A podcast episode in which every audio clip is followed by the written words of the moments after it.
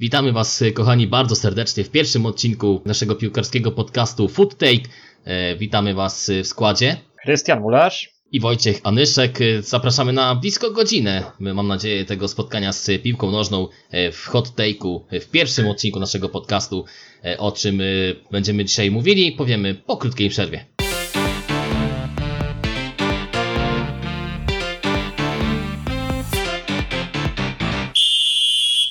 I jesteśmy ponownie. Za chwilę już Państwu przedstawimy szybko e, o to, to, o czym będziemy dzisiaj mówili, a o czym powiemy.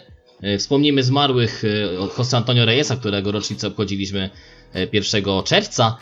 Też powiemy o tym, co się stało dosłownie niedawno, o śmierci Piotra Rockiego. Wspomnimy oczywiście o meczach Ekstraklasy, która wróciła po tej przerwie spowodowanej pandemią koronawirusa.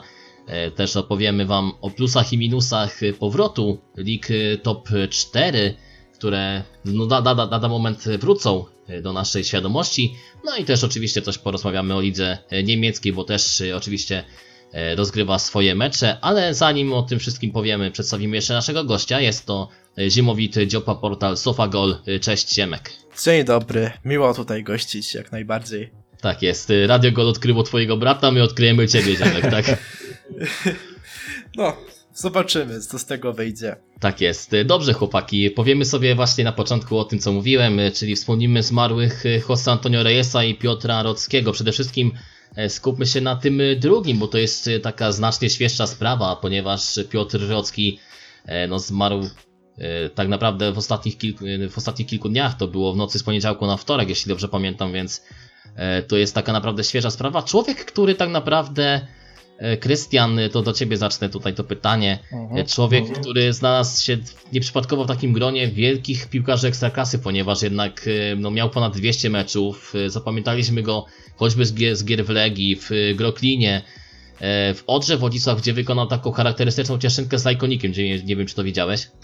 Coś kojarzę, tak, tak. To wiesz, ogólnie to smutna, smutna sprawa. Mnie ogólnie ta wiadomość bardzo zaskoczyła, bo w tym ferworze swoich obowiązków y, jakoś nie, jakoś ta wiadomość spadła jak grom z jasnego nieba, nie? Że Piotr Rocki jest chory, ja w ogóle nie wiedziałem o co chodzi, co tam się stało, a z, później zmarł, bo ogólnie w wyniku pęknięcia tętniaka, tak, którego, którego miał i no taka przykra sprawa, no i tak jak mówisz, no Piotrowski jednak wybitna postać polskiej ekstraklasy. Yy, opowiadano o nim, że to jest zawsze taki człowiek, yy, człowiek z humorem, że tam gdzie był Piotr to, to było zabawnie. Pamiętam, że tam jakiś yy, ulepił kiedyś, kiedyś bałwana i na śniegu wydeptał napis Dzięki Mirek i to było skierowane do Mirosława Trzeciaka. Tego nie pamiętam dokładnie w jakich to było okolicznościach, ale wszędzie tam, gdzie był Piotr Rocki, po prostu atmosfera była bardzo pozytywna i nic dziwnego, że tak wspominają wszyscy tą postać bardzo, bardzo pozytywnie. No właśnie, Ziemek, a jak ty wspominasz Piotra Rockiego, bo może to nie być tak do końca pewne, że możesz go pamiętać tak naprawdę, bo to były chyba już e, takie odleglejsze czasy, jeśli chodzi o, Y, Tak. o piłkę nożną i ewentualne twoje zainteresowania, chyba że się mylę. Y, Znaczy nie do końca. Ja może z y, tą osobą bardziej zderzyłem się podczas gdy y, kupowałem skarby kibica, te co robił przegląd sportowy. To wówczas kupowałem, zawsze tam była ekstraklasa, też pierwsza liga i tak dalej, i tak dalej, inne ligi. Y, I też, no, mm, zwracałem na niego uwagę. To jest takie moje dość nietypowe, subiektywne wspomnienie tejże persony, z tym mi się właśnie najbardziej kojarzy. Mhm. E, Ale także w związku z tym postanowiłem, że wtedy już dawniej, że zgłębię może trochę wiedzę, wiedzę o nim. E, I no. mm, e, Z pewnością też zrobiły na mnie, na mnie wrażenie liczby właśnie e, Rockiego. No tak, y, to akurat bardzo taka smutna sytuacja. Też y, wspominał o tym choćby Wojtek y, Kowalczyk, że no przecież to są jego, to, to- był jego kolega tak naprawdę z Brudna, oni się tam razem wychowywali tak naprawdę. Tam chyba było dwa lata różnicy między nimi, więc to też pokazuje e, no jak smutna jest to sytuacja, jak smutna jest to historia i naprawdę pokazująca, że to nasze życie jest bardzo krótkie, jeśli chodzi o y, taką po prostu spok, taki spokój, taką po prostu e, związaną z, ze zdrowiem i wszystkim historię. Natomiast też e, przypomnijmy sobie chłopcy mm, Jose Antonio Reyesa, Krystian tu szczególnie chyba może coś więcej o nim powiedzieć, tak, bo też oczywiście. e, grał w Arsenalu, nie? Tak, oczywiście, no to pamiętam ten dzień rok temu, dokładnie 1 czerwca 2019 roku, gdy świat obiegła właśnie informacja o wypadku Jose Antonio Reyesa, który jak się okazało był wypadkiem śmiertelnym, Reyes zmarł. Yy, No fakt, że nie pochwalam takiego, takiego zachowania, bo Reyes tam trochę przekroczył na liczniku, yy, za dużo troszkę sobie, no za dużo sobie troszkę pozwolił i można powiedzieć, że sam trochę zawinił, tak, ale, ale no zawsze boli, gdy, gdy taka wybitna postać jak Reyes, jak Reyes jednak no, odchodzi od nas. Reyes, powiem Ci, że w Arsenalu on nie pokazał pełni potencjału. Oczywiście on był częścią tej drużyny niezwyciężonych, która zachowała sezon bez, bez porażki, y, przeszła przez cały sezon mm, i był jedną z tych wiodących postaci, która, która awansowała do finału Ligi Mistrzów, przegranego y, z Barceloną pamiętnego w Paryżu. Y, Ale Reyes, on się sam nie czuł dobrze w Londynie i później wrócił, wrócił do Madrytu, ale to była taka postać, y, która, no jeden z najlepszych technicznie grających zawodników w historii Arsenalu, tej najnowszej. Y, Znaczy fakt, może nie mógł się równać z Bergkampem, tak, z Thierrym Aurim, ale, ale no jest to postać, którą naprawdę pamięta się i smutno, że tacy ludzie odchodzą, tym bardziej, że Reyes, z tego co, co czytałem, to on nawet był w trakcie robienia mm, kursów trenerskich i bardzo możliwe, że właśnie poszedłby w to y, i może kiedyś nawet byłby w Arsenalu, jak w sztabie teraz Mikela Artety, który przecież prowadzi Arsenal, to byłoby bardzo prawdopodobne, no ale no mamy co mamy niestety i trzeba się zmierzyć z tą smutną rzeczywistością. Szkoda, że tacy ludzie odchodzą jak Rocki, jak Reyes. No właśnie, ale też zwróć uwagę, że e, mówimy o tej śmierci Reyesa niemal dokładnie też rok temu, też rok po tym jak e, tak naprawdę w swoim pierwszym podcaście jeszcze w Radiu Phoenix FM, e, gdzie tworzyliśmy ten podcast, też o nim mówiliśmy właśnie w tej sytuacji. No tak, to E, prawda, więc my coś, coś ten Dzień Dziecka chyba okolice Dnia Dziecka mają w sobie, no ale coś takiego negatywnego niestety, ale to tak oczywiście to pół żartem, pół serio, no tak, no niestety. My co możemy teraz zrobić, to po prostu pamiętać o tym, czego dokonali i Reyes, i Rocki, i, no i inni, bo przecież to również wiele innych wybitnych postaci Footballu już, już nie ma na tym świecie, tak? My może jedyne co to może by tą historię ich pielęgnować, głosić, opowiadać o tym, jacy to byli wybitni piłkarze. I, no i miło wspominać to, te czasy, które minęły. Dobrze panowie, przejdźmy sobie teraz do tematu e, Ekstraklasy, która rozpoczęła swoją e, grę na nowo po tej e, epidemii koronawirusa e, w piątek i zanim przejdziemy sobie do konkretnych meczów, do tego ewentualnego omówienia e, tych najważniejszych spotkań, czy to Lecha z Legią, czy Lechi z Arką, jaki wam mecz najbardziej się podobał? Teraz zacznę od ciebie, Ziemowicie. Dość proste pytanie. Na pewno nie zaskoczę, że powiem, że takim najlepszym meczem tej kolejki było spotkanie pomiędzy e, Lechią a Arką, te derby Trójmiasta. E, Rzeczywiście może ta pierwsza połowa mm, nie była jakichś wysokich lotów, ale to co się działo w drugiej, e, no to to już było absolutnie, absolutnie piękne. E, I no cóż, no yy, emocje takie jakieś się odczuwa naprawdę oglądając yy, rozgrywki nieco wyższej klasy yy, niż nasza właśnie polska rodzima liga.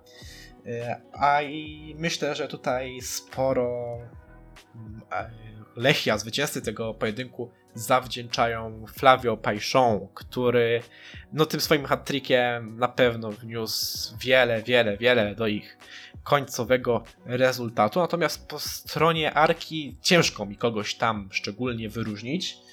Mm, e, Ale na pewno takim man of the match tego spotkania to był zdecydowanie Flavio, jeżeli to nie był nawet zawodnik najlepszy e, całej minionej rundy ekstraklasy. Mhm. A Krystian, jak ty to widziałeś? E, Czy też się zgodzisz z tym, co pewnie i ja za chwilę powiem, że ten mecz był najlepszy? Znaczy, wiesz co, ty y, zadałeś pytanie, który mecz się najbardziej podobał i trudno mi odpowiedzieć w chwili, gdy oglądałem tylko jeden. I to w dodatku powinieneś, to bardziej pasuje do pytania, który mecz ci się najbardziej nie podobał, bo oglądałem, no miałem tą wątpliwą przyjemność oglądać tylko mecz Lecha z Legią i tak delikatnie mówiąc to nie bardzo przypadł ten mecz do gustu, trochę tak można było na nim zasypiać. I nie podobało mi, nie podobał mi się fakt, że właśnie derbów Trójmiasta nie obejrzałem, ale z różnych powodów e, mogłem tylko sobie na jeden mecz pozwolić, pozwolić ten weekend i no pech chciał, że akurat Lech, Lech z Legią. które no, spotkanie, no trudno tak naprawdę mi powiedzieć, e, opisać przebieg tego meczu. Niby wyrównane, ale wyrównane w tym raczej negatywnym kontekście, bo raczej nie działo się wiele. Legia ostatecznie wygrała, no i e, no i cóż, nawet taki widziałem zabawnego, zabawnego mema z e, Olechu, gdzie Lech rok 2010 tam taki napakowany, nie, że kurczę pokonuje Juventus i tak dalej, i tak dalej, a Lech teraz taki malutki pieseczek i nie ma nic do powiedzenia. No. Widziałem to, to w różnej kombinacji, co prawda widziałem te memy w różnej konfiguracji, ale wiem o które ci chodzi. Tak, tak, no to dokładnie o to, także no, to mogę tylko tyle pisać. Wiesz, ja osobiście żałuję, bo ja Lech zawsze darzyłem tą sympatią, właśnie chociażby z sentymentu, jak patrzę na te czasy, kiedy Lech pokonywał Juventus, tak, City, to miło się to wspomina, jakoś zawsze, zawsze darzyłem sympatią Lech Poznań, no ale, no ale cóż, życie. No właśnie, pomyśl, to, pomyśl sobie w ogóle Ziemek, że y, Lech pokonywał Salzburga 2 do 0, 1 do 0 w dwóch Eee. meczach Lidze Europy wtedy, a teraz y, gdzie jest Salzburg, a gdzie jest Lech? Wiem, wiem, wiem. Miałem przyjemność oglądać sporo tych spotkań z, z tego sezonu e, i no też przykro się patrzy na te problemy właśnie kolejorza. Mm, Na pewno, na pewno sporym problemem, który gdzieś tam w Lechu się przewija od dłuższego czasu, no to jest po pierwsze polityka transferowa, która nie do końca mi się podoba. Generalnie całe prowadzenie klubu to, to zwolnia, zwalnianie trenerów, przerzucanie na nich swojej odpowiedzialności, podczas gdy problem leży w zupełnie innym miejscu. Eee, No i jest tam bardzo, bardzo dużo nieporozumień. Przecież ta bramka dla Legii, e, no to to był w zasadzie wynik tego, że Van den Hart e, nie, nie umiał w zasadzie się dogadać, nie, nie wyczuł intencji drugiego obrońcy e, Lecha Poznań, nie pamiętam już kto to dokładnie był. Dokładnie, dokładnie, dokładnie. No i przez takie właśnie głupoty, przez takie drobne błędy, no bo bądźmy szczerzy, eee, to był bardzo głupi błąd i taka bramka bardzo szczęśliwa. Eee, przez takie właśnie drobnostki Lech traci bardzo, bardzo wiele. No już nie tylko jeżeli chodzi o tabelę Ekstraklasy, ale także o jakiś pewien autorytet, który, na który sobie pracował wieloma, wieloma latami. Eee, No a teraz to wszystko, no widzimy jak jest, no Lech jest trochę takim pośmiewiskiem Eee, i tak jak już wspomniał kolega, e, często widzimy właśnie kolejorza e, na memach raczej w tej negatywnej formie. Ale Ja- pamiętam jak jestem te czasy, ja wybaczę ci przerwę Lecha 16 jeszcze, nie? Tak, tak, to prawda, ale a propos, a propos jeszcze bramkarza, to ja w ogóle się tak zastanawiałem, do, patrząc na jego nazwisko, nie? Komu będzie, znaczy, do kogo bardziej się zbliży, do Van der Sara czy do Joe Harta? Ja myślę, że do ani jednego się nie zbliżył, chyba że do tego Joe Harta obecnego, bo, bo jednak to... Albo Storino. Y, Tak, dokładnie. Y, No tak jak tutaj już mówimy razem z Ziemkiem, no trochę, trochę przykro, że, że Lech no tak nie wygląda, nie wygląda lepiej porównując z latami, gdy jednak grał w Lidze Mistrzów, w Lidze Europy, o, w kwalifikacjach do Ligi Mistrzów oczywiście mam na myśli ten sezon. Y, Te słynne rzuty karne z Interem Baku, tak? Gdy tam Jan Urban krzyczał kociu obroń do Kotorowskiego. To pamiętasz te czasy, Wojtek? Tak. Tak, tak, oczywiście No, pamiętam, tak, ale tak. tu akurat jeszcze pozwólcie, że tak mi się teraz nasunęło a propos Van der Harta i tego co zrobił, to mam wrażenie, że chyba trochę pomyliły mu się języki, zaczął krzyczeć po turecku, bo myślał, że kebaba zamawia. może, może tak, może tak. W każdym razie, no, Ale Tak. jeszcze tutaj nawiązując do Van den Harta, no to warto dodać, że przed kilkoma laty to był zawodnik, taki talent holenderskiej piłki. E, przecież, no, dajmy na to w, w grach, może to nie jest jakieś idealne odzwierciedlenie, e, ale w Football Managerze z 2013 roku, e, no to naprawdę był, był solidnym bramkarzem z tego co pamiętam. I naprawdę wtedy mu karierę różną całkiem, całkiem nie, nieźle. Jak teraz się śmiejemy, że niby Van der Sar, że niby Joe Hart, to wtedy już tak mówiono naprawdę, naprawdę na serio. Tak, tylko że wtedy chyba bardziej można byłoby go porównać, nie wiem, do Stekelenburga, do Silesena, coś y, bardziej chyba w tym kontekście, bo jednak to holenderska szkoła bramkarzy tam jest naprawdę niezła. Znaczy, bramkarze ogólnie mają. Ja, ja bramkarzom często współczuję za to, jaki muszą żywot wieść, bo chociażby przykład Lorisa Kariusa przecież. No tak naprawdę jest utalentowany bramkarzem, ma potencjał. No nie bez powodu znalazłby się w Liverpoolu, prawda? Ale jeden finał z Realem, który no, wszyscy dobrze pamiętamy, jak wyglądał w jego wykonaniu i no i teraz co? Ma trochę nawet problemy z własną głową. Nie potrafi się pozbierać po tym finale do, do dzisiaj, bo tam popełnia błędy i przed tą pandemią i tak dalej, więc no ja trochę współczuję bramkarzom, tak się śmiejemy z tego Vanderharta, no bo śmiać się trzeba ogólnie z życia, ja też sam z siebie się śmieję często, nie? Z tego, co odwalam i tak dalej, ale, ale no jednak żal mi jest tych bramkarzy, szczerze mówiąc, bo na nich tak naprawdę na graczach formacji defensywnej spoczywa największa taka odpowiedzialność. Jeżeli coś zawalą, to mówi o tym cały świat. Trochę to przykre, szczerze mówiąc, ale... No tak, e, przejdźmy sobie teraz do meczu Śląska z Rakowem, który otwierał tak naprawdę nam te Twoim ulubionym zmagania. wspomnieniem z weekendu. Niestety tak, miałem wątpliwą przyjemność komentować ten mecz w Radiu Gol, więc wiem dokładnie o czym tutaj Krystian y, mówiłeś, o czym chciałeś mi teraz przypomnieć niestety, ale bardziej jak o samym meczu chciałbym zwrócić y, uwagę na taki problem jaki ma Śląsk Wrocław y, w całym tym sezonie i to się potwierdziło po raz kolejny w tym spotkaniu z Rakowem, mianowicie nie potrafią zachować czystego konta na swoim sta- stadionie i to jest myślę no przerażająca taka jakaś statystyka, że zespół, który no, aspiruje w tym momencie do jednak tej górnej ósemki, nawet gdzieś tam wyżej już nawet, e, no robi takie rzeczy, że sobie co chwilę traci bramkę na swoim stadionie. Nie wiem, czy się ze mną zgodzicie, Krystian. Zacznę od ciebie. Znaczy, oni chyba, oni nie tylko na własnym stadionie tracą bramki, ale również na wyjeździe, bo ostatnie czyste konto, jakie zachowali, to 15 lutego z Pogonią w Szczecinie. Ym, To było ostatnie ich czyste konto w, zachowane w meczach. Wiesz co, ja ogólnie oddzieliłbym y, czas y, tego, tych meczów przed pandemią, a czas po pandemii, bo my tak wiesz, teraz oceniamy po tej pierwszej kolejce, po powrocie y, ostatnią formę, już tam kilka meczów, ale to trzeba oddzielić, bo jednak no tyle czasu minęło, no ile? No, prawie 3 miesiące w sumie gdzieś. tak No to 80 przeliczę. dni tam blisko było chyba No. tej przerwy. Więc ja bym to oddzielił i wiesz, y, no fakt, no tak, takie są fakty, że 15 lutego ostatni raz y, Śląsk w ogóle czyste konto zachował. To się nie tyczy tylko spotkań u siebie, ale to prawda, no u siebie y, no trzeba te punkty zdobywać i wiesz, jeżeli zespół traci punkty, traci gole, ale, ale wygrywa, to ja nie widzę w tym problemu. To tak jak filozofia Unaja Emerego, która się w Arsenalu nie sprawdziła, tak, że chce strzelać, wolę wygrywać 5-4 niż 1-0.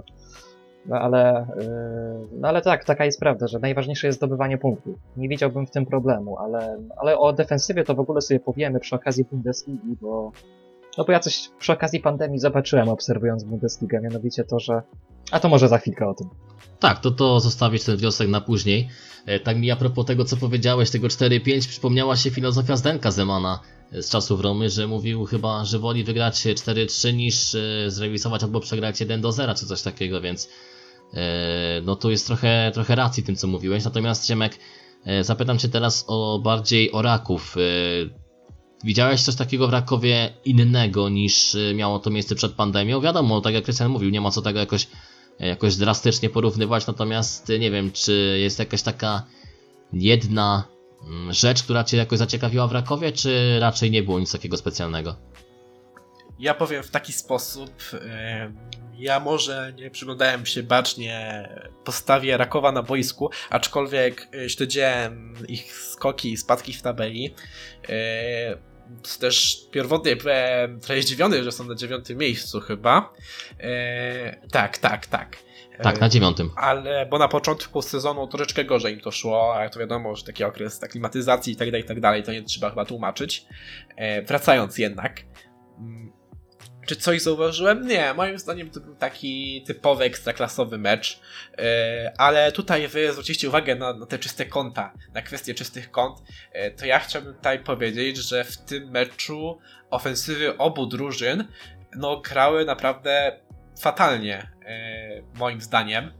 To, co robili napastnicy, to, co robiły właśnie zawodnicy wspierający napastników, e, to absolutnie nie mogło się w żaden sposób podobać.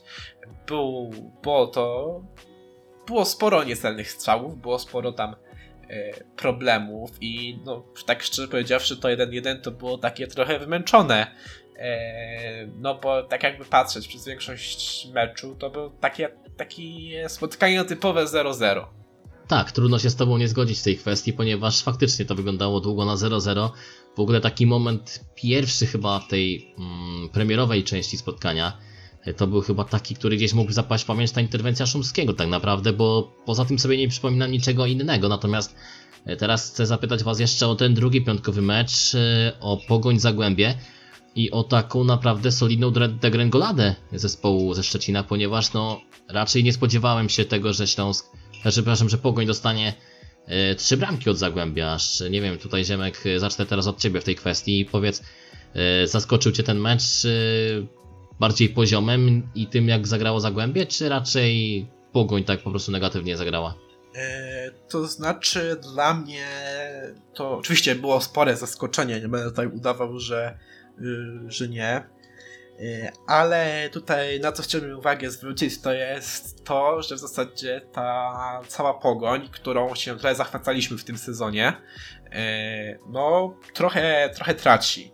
E, No bo stracili też zimą Adama Buksę, który odszedł do Ameryki, a no naprawdę miał bardzo, bardzo spory wkład w ogólną e, ofensywę właśnie e, portowców. E, stracili także Chozuya, który również grał naprawdę bardzo, bardzo, bardzo ładnie. I teraz jeszcze mogą stracić Spiridonowicza, e, którym interesuje się Crfena i no wszystko wskazuje na to, że tutaj e, Spiridonowicz również e, tam bardzo chciałby przejść. No w końcu nic dziwnego, też na jego miejscu pewnie tak bym, taka była moja preferencja i w zasadzie cała ta ofensywa którą Pogoń mogła się pochwalić, e, bardzo szybko wyparowała. Zresztą co do Pogoni też mam takie odczucie, że oni przez od kilku lat to nie mają takiego sezonu, że przez cały sezon grają albo strasznie sobie futbol, albo strasznie dobry futbol. E, Zawsze jest tak, że przez pewien czas jest bardzo, bardzo źle i potem nagle jest super. Tak było całkiem, całkiem niedawno, chyba w poprzednim sezonie, y, że przez większość czasu zajmowali tam miejsce w dole, a potem jakoś się z tego wydostali y, i w tej rundzie y, wiosennej Pogoń była podziwiana i kochana przez fanów za ten swój wielki powrót. W tym sezonie wydaje mi się, że będzie trochę odwrotnie, że ta jesień to bardzo dobre czasy dla Pogoni, bo fenomenalna ofensywa, a teraz po tej stracie e, ta, z tą Pogonią e, niestety może być coraz, coraz gorzej e, i też bym się martwił o to miejsce w tej pierwszej ósemce Szczecinian, bo no naprawdę, jeżeli dopiero w trakcie letniego okna transferowego będą mogli coś zmienić. Oczywiście mają sporo takich młodych, utalentowanych chłopaków, którzy już pokazują wysoki poziom, chociażby Kowalczyk, e, ale to wciąż nie jest chyba jeszcze ich czas. E, póki co się dobrze zapowiadają, e, ale Pogoń potrzebuje realnych wzmocnień, żeby załatać tą dziurę, która zrobiła się dość spora. No tak, też spotkałem się, Krystian, z takim stwierdzeniem, że Pogoń chyba za bardzo przeszacowała swoje cele i tak mam wrażenie, że zaczyna teraz, wręcz mówiąc kolokwialnie, zjadać swój własny ogon. E, Powiedz, czy faktycznie przeszacowali te swoje cele, czy powinni jednak walczyć najpierw o tę ósemkę, a dopiero później o te puchary, czy jednak, e, czy jednak są już zespołem, który może powalczyć o tytuł Mistrza Polski? Znaczy, wiesz co, ja o Mistrzostwie Polski to ja w ogóle bym nawet nie myślał na miejscu Pogoni, niezależnie od formy, jaką prezentują. Wiesz, to, że Piast Gliwice tam e, wygrał, wygrał ligę, tak, to no, był taki fenomen, tak, ale ogólnie Ekstraklasa charakteryzuje się taką zmiennością, że mnie na przykład w tej lidze żaden wynik nie dziwi, nigdy. No to to po prostu to jest Ekstraklasa i to wszystko można w tym zawrzeć, prawda? Yy, Natomiast czy Pogoń powinna, no myślę, że każdy taki klub typu Pogoni to pierwsze, co powinien sobie stawiać, to po prostu dojście do tej ósemki, tak? Bo no zobaczmy na Krakowie, świetny początek, a ostatnio to mają same porażki w, w tej lidze. I przed pandemią, i, tą, i ten okres popandemiczny też zaczęli porażką. Więc y, gdy się już wydawało, że może tam Krakowie jednak o coś powalczy, że, że Probierz tam poukładał naprawdę dobry zespół, to zaczęły się niesamowite problemy. Już Krakowia ma 11 porażek na swoim koncie w tym sezonie, więc Więc to, to liga się zmienia i czy Pogoń, po, Pogoń nie powinna raczej stawiać sobie na cel, znaczy wiadomo, każda drużyna powinna sobie stawiać za cel wygrać, tak? Jak najwyższe cele, ale, ale jednak e, nie powinni tego, nie powinni z tym przesadzać za bardzo, wpadać w hurra optymizm, tylko raczej rozsądnie podchodzić. Na ten mecz z Zagłębiem ich zweryfikował. Nie oglądałem tego meczu, tak jak mówiłem, tylko jeden miałem przyjemność, ale ja zawsze, jeśli chodzi o Zagłębie, teraz może do tego zespołu przejdę, jestem, byłem fanem i jestem fanem talentu Filipa Starzyńskiego. Podoba mi się jego gra w środku pola, jego dyrygowanie y, grą, y, jego technika w ogóle i cieszy mnie to, że w ogóle zaliczył asystę w tym spotkaniu. Dziwi mnie w ogóle, że on tak długo w Zagłębiu siedzi. Myślałem, że kiedyś wyląduje w jakimś klubie pokroju Legii. No trochę mnie to dziwi rzeczywiście, ponieważ tak jak mówisz, to jest talent jednak naprawdę dobry i bardzo, bardzo ciekawy, ale faktycznie trochę się tam chyba zasiedział w tym Zagłębiu, też pojechał za granicę, tam mu nie wyszło. No i teraz y, siedzi w Zagłębiu i tak naprawdę próbuje dojść do tej formy sprzed wyjazdu tak naprawdę, ale nie wiem czy w ogóle do niej wróci. E, Panowie, jeszcze tak sobie na koniec e, tej naszej e, wędrówki po Ekstraklasie chciałbym porozmawiać o e, klubie z Białego Stoku, o Jagiellonii, ponieważ e, nawet już nie w kontekście meczu Krakowi, tylko e, w kontekście tego, że obchodzili do nie, tak całkiem niedawno, w weekend zdaje się, to była chyba sobota, stulecie istnienia klubu. I tutaj chciałbym Was zapytać przede wszystkim o te ostatnie kilka lat, czy Jagiellonia już ukształtowała się na tyle w czołówce Ekstraklasy, żeby móc mówić o niej, że to jest faktycznie taki zespół pokroju Legii, Lecha, etc. Teraz Krystian od Ciebie zacznę. Ja Jagiellonię osobiście tak traktuję, właśnie jako klub pokroju Lecha i Legii, bo przez y, kilka ładnych parę sezonów to oni byli właśnie w tej czołówce rok w rok. No ten sezon mają taki, że znajdują się dokładnie teraz na ósmej pozycji.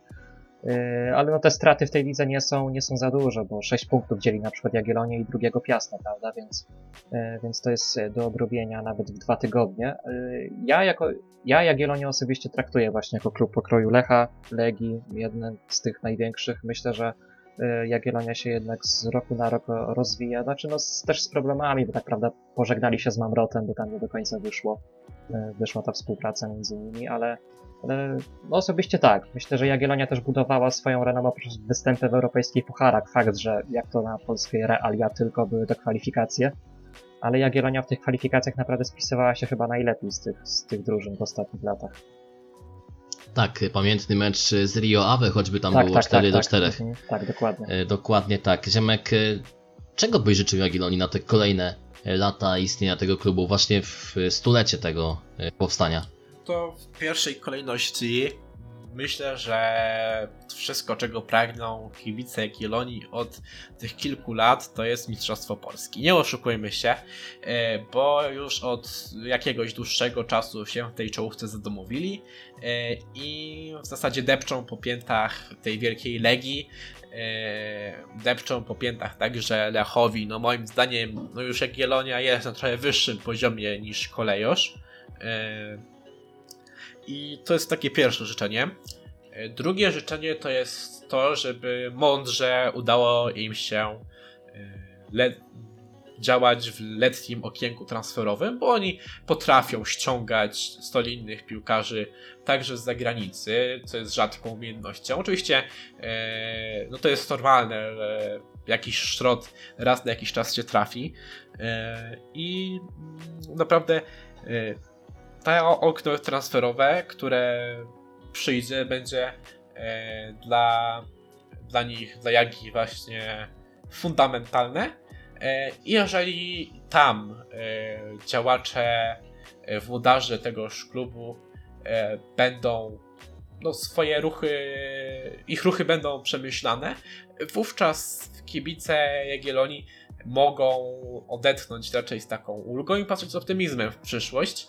E, czy to mistrzostwo będzie w ciągu najbliższych sezonów? Zobaczymy. Na pewno Jagiellonia jest tego bardzo, bardzo blisko wciąż i to jest szkoda będzie jak e, przez te najbliższe lata dalej po prostu będzie tam gdzieś koło tego trzeciego, czwartego e, czy piątego miejsca tego nie życzę. Może wreszcie się uda to trofeum sięgnąć.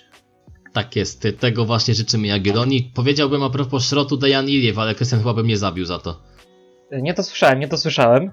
E, Dejan Iliew, E, a no tak, tak, no tak, Deleon Iliew, e, bramkarz Arsenalu w końcu, tak? E, No właśnie, dlatego mówię, żebyś mnie zabił za to, że powiedziałbym, że to szrot, no nie? e, no tak, tak. No czy, czy zawiłby, wiesz, ja, skoro ktoś taki ląduje w Ekstraklasie jednak, to, to z tego co wiem, to chyba Arteta, ani Arteta, ani Emery wcześniej jakoś nie byli e, fanem, fanami talentu Iliewa, więc ja raczej w przyszłości mu w londyńskim klubie nie wróżę osobiście. No zobaczymy zresztą co będzie, ale no, Iliew raczej nie zaskakuje, prawda? Tak, szczerze mówiąc, nawet chyba byś nie miał jak mnie zabić za to, ponieważ wiadomo, że nie można się teraz jakoś jeszcze tak. specjalnie. Tak, tak. E, dokładnie. Dobrze panowie, teraz jeszcze przedstawię szybko tabelę naszym słuchaczom. Legia na pierwszym miejscu, za nią Piast i Śląsk Wrocław. Pierwszą ósemkę zamyka Jagiellonia, drugą rozpoczyna Raków Częstochowa, dalej Zagłębie, e, Górnik Zabrze, na, spo, na spadkowych pozycjach Korona Kielce, Arka Gdynia, no i ЛKS, e, który no tak naprawdę już jest e, chyba poza burtą, jeśli chodzi o ekstraklasy, już praktycznie wita się z pierwszą ligą, tak więc tym będziemy kończyć e, ekstraklasę. Natomiast e, kolejny temat, który chciałbym z Wami poruszyć, to e, plusy i minusy powrotu tych lig z top 4, bo jak sobie ustaliliśmy przed rozpoczęciem naszego nagrania, no uznajemy tę Francję jeszcze do top 5, czy już robimy top 4? Znaczy wiesz, no zależnie, znaczy ja bym nie wchodził ogólnie w politykę, bo tam to też e, kwestia polityczna, e, dlaczego ta liga została, została znaczy, a, Wiesz zakończona, co, w ogóle tak? słyszałem, że chyba Macron namawiał Merkel, żeby zam- zamykali ligi chyba. tak, było coś takiego. Tak, tak, tak, było coś takiego, też, też obiło mi się to o uszy. No, na szczęście Bundesligę mamy e, i to już cztery kolejki nawet, jak ten czas leci, że już cztery, cztery kolejki Bundesligi za nami. Od- Tak jest, ale o tym jeszcze sobie powiemy później. Ziemek, zaczę, zaczę, zaczę, zaczną się tak naprawdę w przyszłym tygodniu te e, ligi. Angielska, e, niemiecka, e, angielska, hiszpańska i włoska, przepraszam. Niemiecka oczywiście już ruszyła. I powiedz, e, jakie plusy najpierw widzisz e, w ogóle ruszenia tych e, lig że europejskich? Oczywiście poza tym, że będziemy je mogli w końcu oglądać. No poza tym, no to na pewno no rozegranie ligi do końca wiąże się z tym, że żadna drużyna nie będzie miała prawa czuć się poszkodowana. E, Jeżeli kończymy sezon w takim dziwnym momencie, jak się to zakończyło właśnie we Francji, e, no to to jest logiczne, że to jest nie fair wobec niektórych drużyn. E, Dlatego, dlatego ja jestem absolutnym tutaj zwolennikiem, żeby te ligi ruszały i grały. To jest pierwsza kwestia. I e, co by tutaj jeszcze powiedzieć? E, No, na pewno to tak, że mm, e, jest sprawa tego, że poza, poza tym, że, że to będzie oczywiście sprawiedliwe rozwiązanie, no tak jak już wspomniałeś, no to, że każdy fan był tutaj spragniony. To już mówię, żeby tego nie mówić, ale nie sposób było o tym nie wspomnieć, że czekanie z powrotem do, do piłki na tych najwyższych szczeblach przez jeszcze więcej miesięcy, bo tak naprawdę do rozpoczęcia nowego sezonu e, nie byłoby zbyt fajną sprawą. Tak, to prawda, nie byłoby zbyt fajną sprawą, ponieważ byśmy musieli czekać, podejrzewam, tak jak y, w przypadku Francji, zdaje się do, pierwsze, do 22 sierpnia, jeśli dobrze pamiętam, więc tutaj no, czekanie do sierpnia byłoby dosyć y, długie. Krystian, powiedz, y, jakie ty z kolei plusy widzisz y, powrotu tychże top league, oprócz tego, że Liverpool będzie mistrzem Anglii? E, Wiesz co, jeszcze a propos tego powrotu 22 sierpnia, że we Francji to by w ogóle było bez sensu, bo wtedy jak to by widzieli rozegranie przyszłego sezonu, e, to by kompletnie odwróciło wszystko do góry nogami. Teraz jeszcze da się to ogarnąć, myślę, jeśli ruszą te ligi właśnie teraz. No a propos tych, e, tych zalet, e, to powiem tak, e, na pewno, znaczy kwestie finansowe to już były omawiane, że prawa telewizyjne i tak dalej, ale ja tutaj powiem, jak to zwłaszcza w Anglii wygląda, jak te, jak te prawa telewizyjne działają na kluby. Przykładem dobrym jest y, Burnley, y, drużyna Shona Dyche'a, prowadzona przez Shona Dyche'a, występująca w Premier League. Widziałem kiedyś statystykę, to był chyba 2016 albo 2017 rok, gdy Burnley po jednym sezonie grania w lidze jako Beniaminek stało się klubem bogatszym od Ajaxu Amsterdam, występującego regularnie w Lidze Mistrzów. I to wszystko dzięki tym prawom telewizyjnym. One naprawdę dużo, telewizja dużo płaci za, za same transmisje meczów Premier League, tak? Yy, I w jakimś stopniu kluby by się nie wywiązały z tej umowy, gdyby, gdyby te rozgrywki nie wróciły. Ja myślę, że telewizja by się jakoś z nimi dogadała, że po prostu wypłaciliby te pieniądze za, za te rozegrane spotkania, ale to nadal by było 11 kolejek, czy tam 12 do tyłu. Przecież to jest prawie połowa sezonu, więc, więc dosyć duże pieniądze, biorąc pod uwagę, że Premier League jest oglądana na całym świecie. W Azji bardzo szanują kluby, nie tylko te największe, ale nawet te średnie kluby pokroju Evertonu. One są tam bardzo lubiane i, i szanowane, więc, więc no Premier League jest tak, tak rozreklamowana, że to pod względem marketingowym naprawdę powrót jest pod pewnymi względami konieczny nawet i można się cieszyć, że że liga wraca. Nie sądzę, że kluby by zbankrutowały, gdyby tych pieniędzy za, z transmisji nie miały, bo premier, kluby z Premier League naprawdę są bogate, ale, no ale na pewno ułatwi im to życie i, i może jakieś ruchy na rynku transferowym jednak będą i niezależnie od tego, czy był wirus, czy nie. Natomiast z pozostałych kwestii, tak jak już tutaj Ziemek wspominał, właśnie y, kwestia tej sprawiedliwości, tak? Bo chociażby e, mój klub z Sheffield, e, z Championship, czyli Sheffield United występujący w Premier League, przecież on ciągle ma szansę na Ligę Mistrzów. To byłoby coś niesamowitego, gdyby mi się to udało, a gdyby sezon się zakończył, to, to najprawdopodobniej w tej Lidze Mistrzów by, by nie występowali, chociaż jeszcze nie wiadomo, bo właśnie chyba teraz trwa i jeszcze przez kilka dni będzie trwać yy, w Trybunale Arbitrażowym sprawa Manchesteru City, bo to się właśnie ma gdzieś teraz rozstrzygnąć, więc ciekawe jak to Tak, będzie. miałem o tym wspominać właśnie, ale tu uprzedziłeś mnie bardzo dobrze w tym temacie. Właśnie to jest też ten problem, że nie wiemy tak naprawdę co z Manchesterem City się nadal y, wydarzy, natomiast y, do tego co mówiłeś a propos tego marketingu, to też przypomniało mi się, że przecież nawet Kanal Plus, który transmituje na naszą y, ojczyznę, na nasz kraj ligę angielską, robił taki turniej chyba w Hongkongu albo w Chinach gdzieś, Tak, gdzie tak. były właśnie takie drużyny pokroju, nie wiem, Evertonu, Tak, to, było, to jest tak zwane Asia Trophy, Barclays Tak, Asia dokładnie. Trophy, czy jakoś tak. Nawet Arsenal grał w jednym takim turnieju, pamiętam. No, No właśnie, właśnie, tam grają, tak. tam grają właśnie takie drużyny, często jest właśnie jedna z tych topowych drużyn, typu Arsenal, Chelsea, tak, Liverpool i tak dalej. Są właśnie takie kluby walczące o utrzymanie, jak Stoke City, e, Southampton, Crystal Palace. No taki właśnie turniej, właśnie z tego względu, właśnie, że takie turnieje też istnieją. Nawet takie kluby jak Crystal Palace są właśnie w Azji znane. Więc marketing Premier League jest naprawdę no, bardzo rozwinięty i no, dla dobra właśnie tego i dla dobra finansów na pewno ten powrót jest, jest potrzebny po prostu. Tak, kryształowy pałac mówisz, jest Tak, znany. tak, tak, dokładnie, dokładnie. Kryształowy Palace. pałac, y, dokładnie tak. Y, Ziemek, tu Krystian też poruszył ciekawą kwestię, jeszcze sobie zanim przejdziemy do minusów tych, tego powrotu. E, powiedział taką rzecz, że kluby te najmniej, te najniższe z Premier League i nawet z tej z Championship też e, zarabiają nawet więcej niż choćby taki Ajax czy Juventus nawet, bo też pojawiały się takie chyba historie, że nawet e, klub, chyba zdaje się Wolverhampton zarabiał więcej niż Juventus choćby z tytułu praw telewizyjnych. I e, powiedz, jak ogólnie ta pandemia e, wpłynie teraz e, na całą tę sytuację na, na rynku, e, czy to właśnie praw telewizyjnych, czy przede wszystkim na rynku transferowym, bo ja mam taką teorię, że po prostu wrócimy do czasów, i to zawsze powtarzam e, od momentu pandemii, że wrócimy do czasów e, tak choćby z 2004-2005 roku, gdy transfery te rekordowe sięgały wysokości maksymalnie 50 milionów. E, To znaczy tak, zgadzam się jak najbardziej. Na pewno nie będziemy mieć takich wielkich transferów po, po kilkaset milionów, jakie obserwowaliśmy w ostatnim czasie. E, Mnie to osobiście cieszy, bo coś takiego uważałem za znaczną, znaczną przesadę, żeby telecasty szło na piłkarza. No ale to już jest moja subiektywna opinia. E, Na pewno y, też cieszę się, że te rozgrywki właśnie zostały odnowione ze względu e, też tych finansowych. Chociażby mamy sytuację w Championship, e, że takie Leeds United e, jest bardzo blisko awansu. E, I no, naprawdę ja za nich e, szczerze trzymam kciuki, bo już od jakiegoś czasu się tam e, czają, czają i mają problemy z tym, żeby wejść, a w tym sezonie może to się udać. E, I naprawdę oni będą potrzebowali trochę tej kasy na transfery. Uważam, że mają już taki całkiem skład na poziomie Premier League, ale wiadomo, że pewne wzmocnienia im się przydadzą. E, A y, też, no, tych trans- nie będzie tych wielkich, wielkich wydatków. E, To dobrze, że piłka nożna sobie odpocznie od wielkich pieniędzy na e, jakiś czas. Zobaczymy, jak długo. Nie jestem ekonomistą, nie chcę się tutaj e, za dużo wypowiadać, żeby, żeby potem tego nie żałować.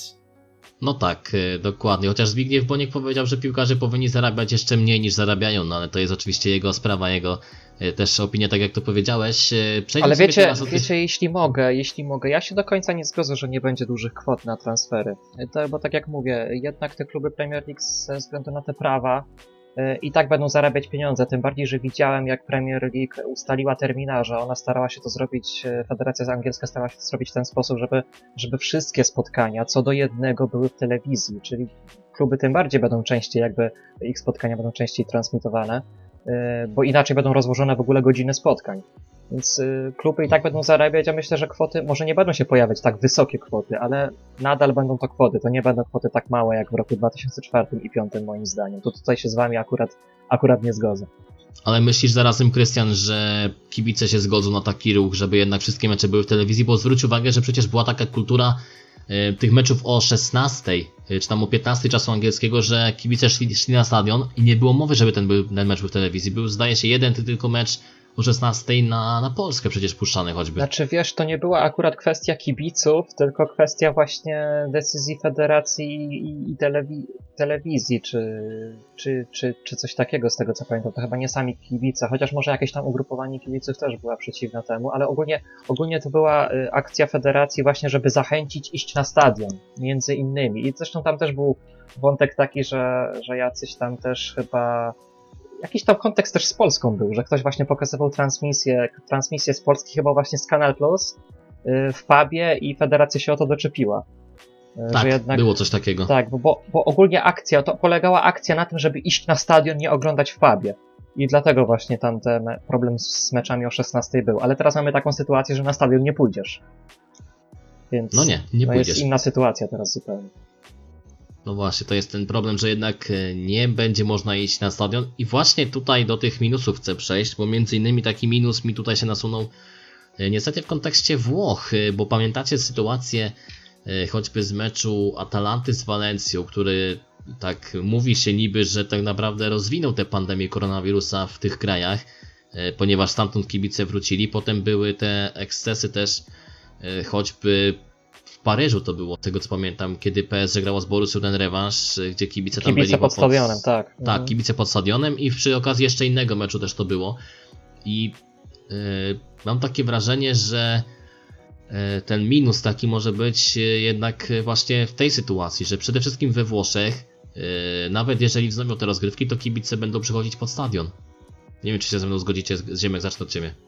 E, No cóż, to oczywiście zgadzam się, ale e, jednak to nie jest taki problem bez wyjścia. Znaczy, e, uważam, że jeżeli do takiej sytuacji dochodzi, no to mm, poza takim biernym przyglądaniem się tak, że można coś zrobić, można oczywiście e, zakazać e, tego typu zgromadzeń. Oczywiście no, no, no, się spotka z e, sporym tutaj no niechęcią strony fanów, e, która może się objawić w bardzo no, specyficzny sposób, no ale no tak już bywa.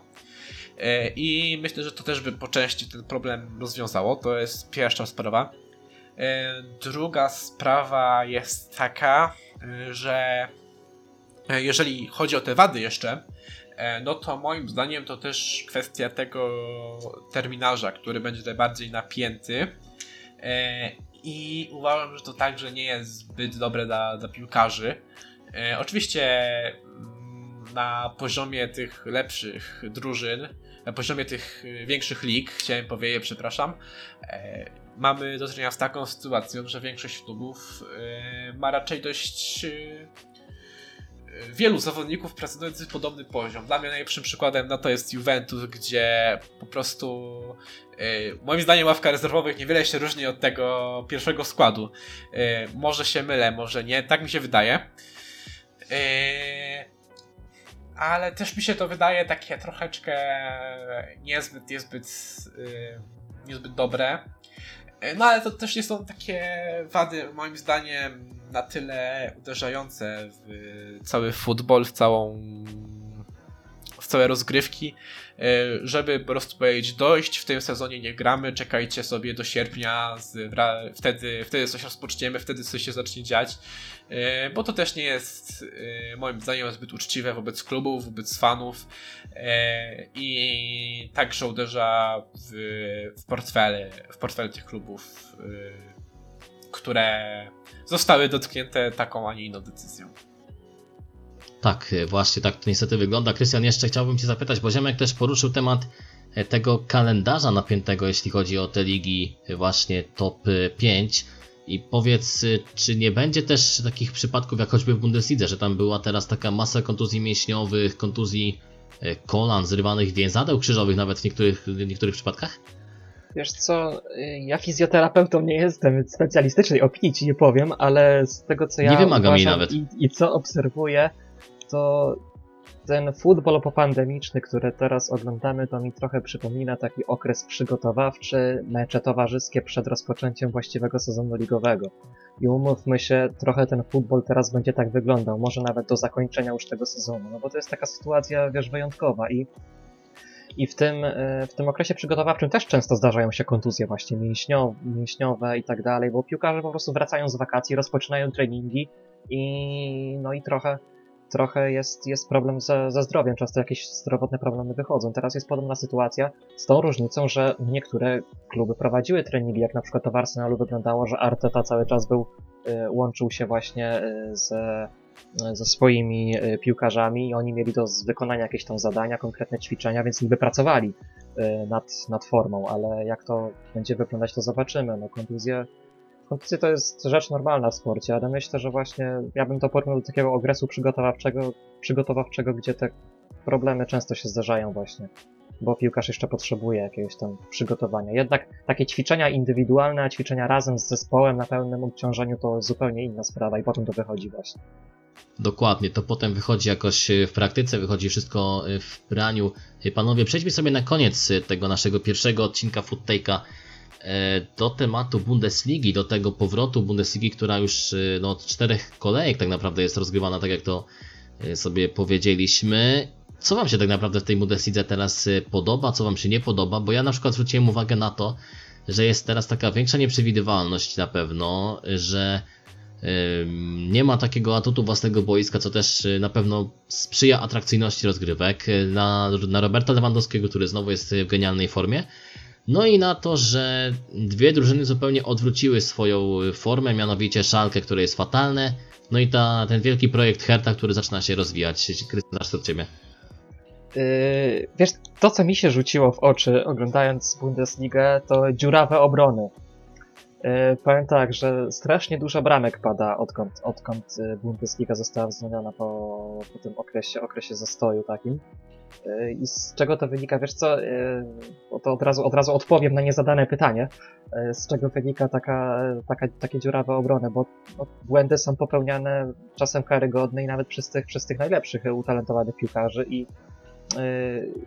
gdy w grze ofensywnej, to takiego, ja dochodzę do takich wniosków, nawet gdy nie jesteś, wiesz, zgrany z zespołem i tak dalej, to w tym ofensywie, jak masz, w tej ofensywie, jak masz umiejętności, to zawsze coś wyczarujesz.